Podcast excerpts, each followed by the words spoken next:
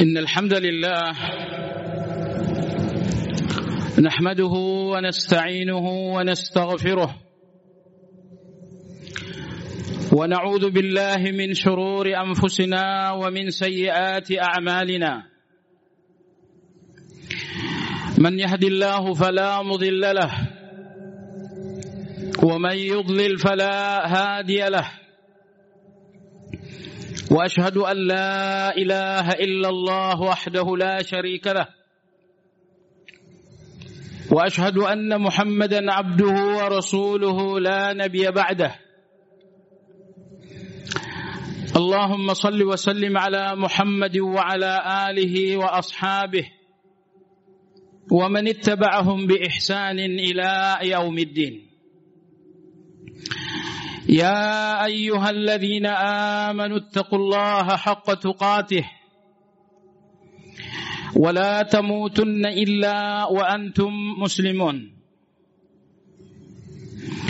يا أيها الناس اتقوا ربكم الذي خلقكم من نفس واحدة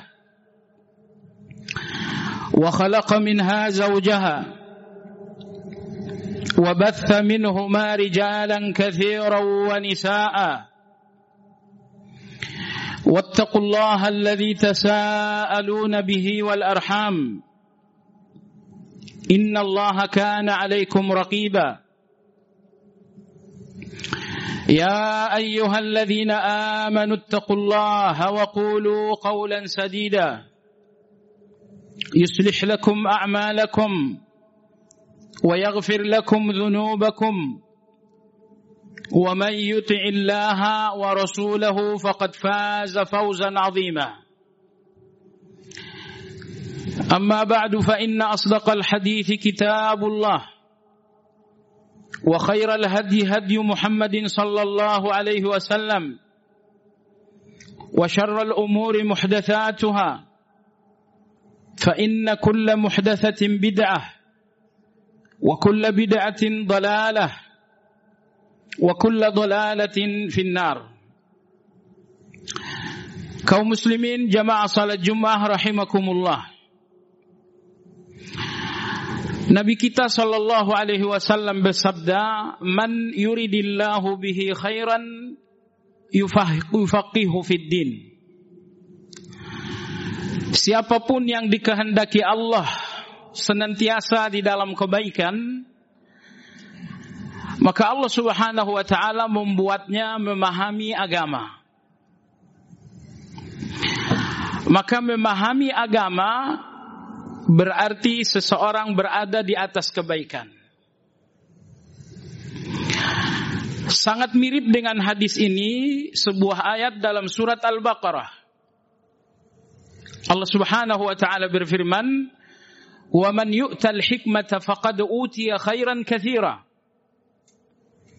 Siapa yang diberikan Allah hikmah berarti ia telah diberikan kebaikan yang sangat banyak. Coba renungkan dan bandingkan antara hadis dan ayat.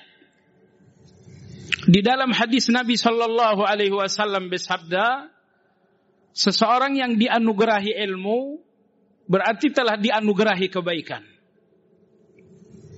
Lalu di dalam ayat Allah Subhanahu wa taala berfirman, siapa yang dianugerahi hikmah berarti ia dianugerahi kebaikan yang sangat banyak. Untuk ilmu ada kebaikan, tetapi untuk hikmah ada kebaikan yang sangat banyak. Maka Imam Ibn Qayyim Al-Jauzi rahimahullah dalam kitab Madarijus Salikin beliau mengatakan bahwa hikmah lebih tinggi daripada ilmu. Setiap ahli hikmah berarti dia adalah ahli ilmu. Tetapi tidak setiap orang yang berilmu serta merta menjadi seorang yang ahli hikmah.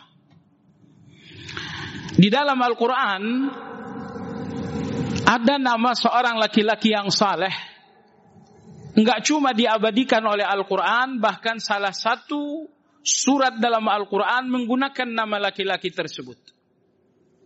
Dia bukan seorang nabi, tetapi seorang yang diberikan oleh Allah hikmah.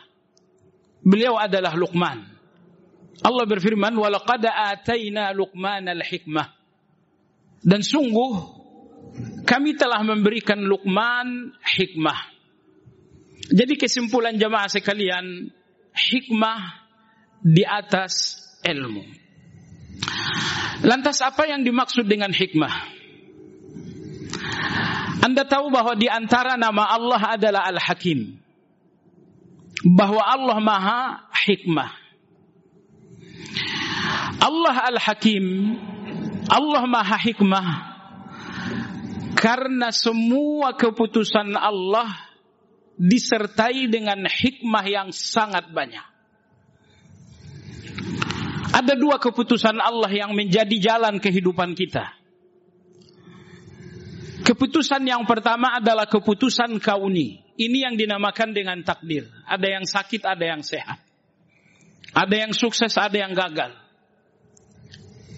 Semua takdir yang menjadi jalan kehidupan dinamakan dengan keputusan kauni. Lalu keputusan Allah yang kedua adalah keputusan syar'i. Semua perintah-perintah Allah dan larangan-larangan Allah semuanya adalah keputusan syar'i yang juga kehidupan kita. Maka kita hidup di antara dua keputusan Allah Subhanahu wa taala. Kita hidup dengan keputusan Allah yang bersifat kauni yaitu takdir. Tapi kita pun hidup di atas keputusan Allah yang bersifat syar'i yaitu perintah dan larangan. Jemaah sekalian yang saya hormati, kedua keputusan Allah yang kauni dan yang syar'i hakim penuh dengan hikmah. Semua peristiwa-peristiwa dalam takdir dan semua ketetapan-ketetapan Allah dalam Al-Quran dan Sunnah semuanya syarat dengan takdir syarat dengan hikmah yang sangat banyak lantas seseorang dinamakan ahli hikmah Apabila ia tidak melihat lahiriah dari satu keputusan Allah saja, tapi justru ia lebih fokus melihat hikmah dari setiap keputusan Allah. Ini berarti jamaah sekalian, keputusan Allah memiliki dua lapis. Lapisan luar, lapisan lahiriah. Lapisan dalam, itulah lapisan hikmah. Ketika Anda melihat satu kematian, kematian yang Anda lihat di depan mata, itulah lahiriah dari keputusan Allah. Tapi di balik lahiriah dari keputusan ini terdapat hikmah. Hikmah itu tidak ada di dalam lahiriah. Apabila lahiriah-lahiriah dari seluruh keputusan Allah, Anda mampu melihatnya dengan basar, maka hikmah di balik keputusan-keputusan itu Anda hanya bisa melihatnya dengan basirah. Maka setiap kita diberikan oleh Allah basar, yaitu pandangan mata kepala. Tapi Allah pun memberikan kita basirah, yaitu pandangan mata hati yang datang dari kedalaman ilmu. Orang-orang yang memiliki kedalaman ilmu, maka hatinya memiliki pandangan. Itu yang dinamakan dengan basirah. Kembali terhadap keputusan Allah yang bersifat kauni dan bersifat syar'i. Semua orang yang menderita di dalam satu keputusan Allah karena mereka hanya menggunakan basar untuk melihat lahiriah. Sekiranya mereka menggunakan basirah untuk melihat hikmah, maka tidak ada keputusan Allah yang membuat seseorang menangis, yang membuat seseorang gelisah. Ambil contoh misalnya, terjadi kematian. Apabila Anda melihat lahiriah dari kematian, ini adalah air mata. Lahiriah dari kematian ini adalah penderitaan.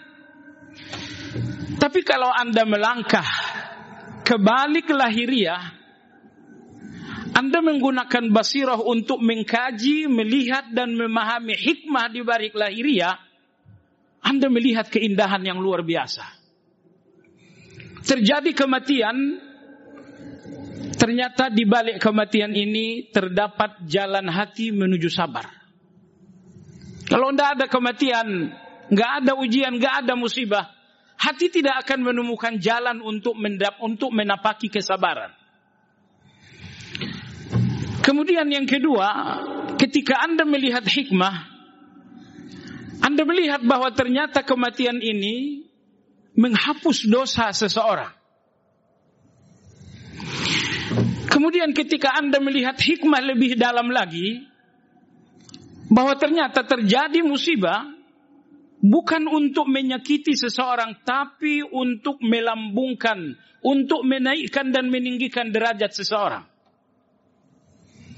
Anda kembali menggali hikmah lagi, ternyata Anda temukan bahwa terjadi musibah untuk membersihkan hati seseorang dari takabur. Karena nikmat membuat hati seseorang sombong. Maka datanglah musibah untuk menghilangkan sombong dan mengembalikan hati kepada tawadu. Jadi walhasil jamaah sekalian, kalau kita fokus melihat lahiriah, kita melihat musibah. Kita melihat air mata. Kita melihat tangisan. Tapi kalau kita melihat hikmah, kita melihat panorama yang sangat indah. Kita melihat dosa-dosa yang diampuni oleh Allah. Kita melihat level derajat yang semakin ditinggikan oleh Allah. Kita melihat kesabaran, kita melihat jalan kesabaran. Kita melihat hati yang semakin bersih dengan tawadu. Dan selanjutnya, dan selanjutnya. Maka oleh sebab itu jamaah sekalian, agama ini datang untuk mengajarkan kita tentang kebahagiaan. Ternyata salah satu kebahagiaan yang diajarkan agama bahwa agama tidak menginginkan Anda melihat lahiriah segala peristiwa secara fokus. Tapi agama mengatakan lihat hikmah. Niscaya lahiriah ini tidak membuatmu menderita.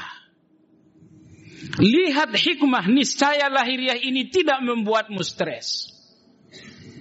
Tetapi tidak semua orang mampu melihat hikmah karena dibutuhkan ilmu yang mendalam agar basirah ini mampu memandang hikmah di balik di balik segala yang lahiriah. Jemaah sekalian, apabila Anda memandang satu musibah hanya dengan pandangan basar terhadap lahiriah, Anda membutuhkan sabar untuk menerima lahiriah itu. Tapi sekiranya dengan basirah itu Anda melihat hikmah akan terjadi satu loncatan yang sangat indah. Dari sabar menjadi ridha. Maka di dalam musibah, ada orang yang bersabar, dan ada orang yang lebih dari sabar, yaitu ridha. Setiap orang yang ridho pasti bersabar, dan tidak setiap orang yang sabar itu ridho. Di mana perbedaan sabar dengan ridho? Orang-orang yang sabar, sabar artinya menahan. Artinya ada satu gejolak, ada satu gejolak dalam hati dan pikiran namun ditahan jangan keluar. Itu sabar. Adapun ridho, ridho itu tidak ada lagi gejolak yang perlu ditahan. Lantas apa yang membedakan lagi antara sabar dengan ridho? Lagi-lagi jamaah sekalian, setiap Anda yang terlalu fokus melihat satu lahiriah, Anda akan berhenti di atas kesabaran. Tapi kalau Anda mampu melihat hikmah di balik yang lahiriah, hati Anda akan menemukan ridha. Nah kalau hati telah sampai kepada ridha di dalam satu musibah, maka musibah ini sesungguhnya tidak lagi musibah tetapi nikmat. Maka Imam Sufyan Thawri rahimahullahu taala beliau mengatakan tidak dinamakan seseorang faham Islam sebelum ia melihat musibah sebagai nikmat dan melihat nikmat sebagai musibah. Sebelum ia melihat nikmat sebagai ujian dan melihat ujian sebagai nikmat. Baiklah jemaah sekalian yang saya hormati. Lalu kita ingin bicara kepada keputusan Allah yang kedua, keputusan kauni. Keputusan syar'i. Keputusan syar'i seperti kita salat, seperti kita berpuasa, Kalau Anda hanya melihat lahiriah keputusan syar'i, Anda perlu sabar untuk sholat. Anda perlu sabar untuk berpuasa. Tapi sekiranya Anda melihat hikmah di balik lahiriah tersebut, Anda tidak lagi membutuhkan sabar untuk salat. Andi, hati Anda sepenuhnya telah ridho dengan salat tersebut. Terdengar azan kumandang untuk salat. Anda menyambutnya tidak dengan sabar, tapi dengan ridha. Oleh sebab itu Imam Ibn Qayyim al-Jauzi rahimahullah ta'ala, beliau mengatakan, ada sekelompok orang yang perlu melakukan mujahadah untuk sampai kepada perintah Allah. Ada godaan untuk pergi untuk makan, ada godaan untuk A, untuk B, tapi dia melawan godaan hingga akhirnya dia melakukan salat. Ini adalah orang-orang yang masih pada tahap sabar. Tapi syukurlah sabar itu membuatnya mampu melawan. Lalu pada level yang lebih tinggi adalah orang-orang yang ridha. Ada godaan tapi mereka tidak tergoda. Mereka telah melihat hikmah dari sebuah keputusan Allah Subhanahu wa taala. Maka jemaah sekalian, salat ini berat kalau Anda masih melihat lahiriah. Sehingga Anda butuh sabar untuk melakukannya. Sekiranya Anda melihat salat dengan hikmah, salat ini ringan, bahkan salat ini sangat manis melebihi segala yang manis. Maka melalui khutbah kali ini jemaah sekalian, belajarlah, berjuanglah, jangan melihat semua keputusan Allah pada tampilan lahiriah, karena tampilan lahiriah ini boleh jadi membuat Anda menangis. Boleh jadi membuat Anda berat. Tapi berjuanglah untuk melakukan satu loncatan melihat sesuatu di balik lahiriah. Yaitu hikmah. Dan kalau Anda selalu melihat hikmah, ternyata jemaah sekalian, hidup dari A sampai Z semuanya adalah taburan bunga-bunga yang sangat indah. Musibah membuat Anda menangis, tapi Anda pun melihat keindahan. Mungkin satu pengalaman membuat Anda gagal, tapi Anda melihat kegagalan ini adalah sebuah pemandangan yang sangat indah. Tapi sekali lagi, gunakan kacamata hikmah, niscaya seluruh kehidupan ini ternyata adalah keindahan. Barakallahu li wa lakum fil Qur'anil azim wa nafa'ni wa iyyakum bima fihi minal ayati wadh-dhikril hakim wa taqabbala minni wa minkum tilawatahu innahu huwas samiul alim.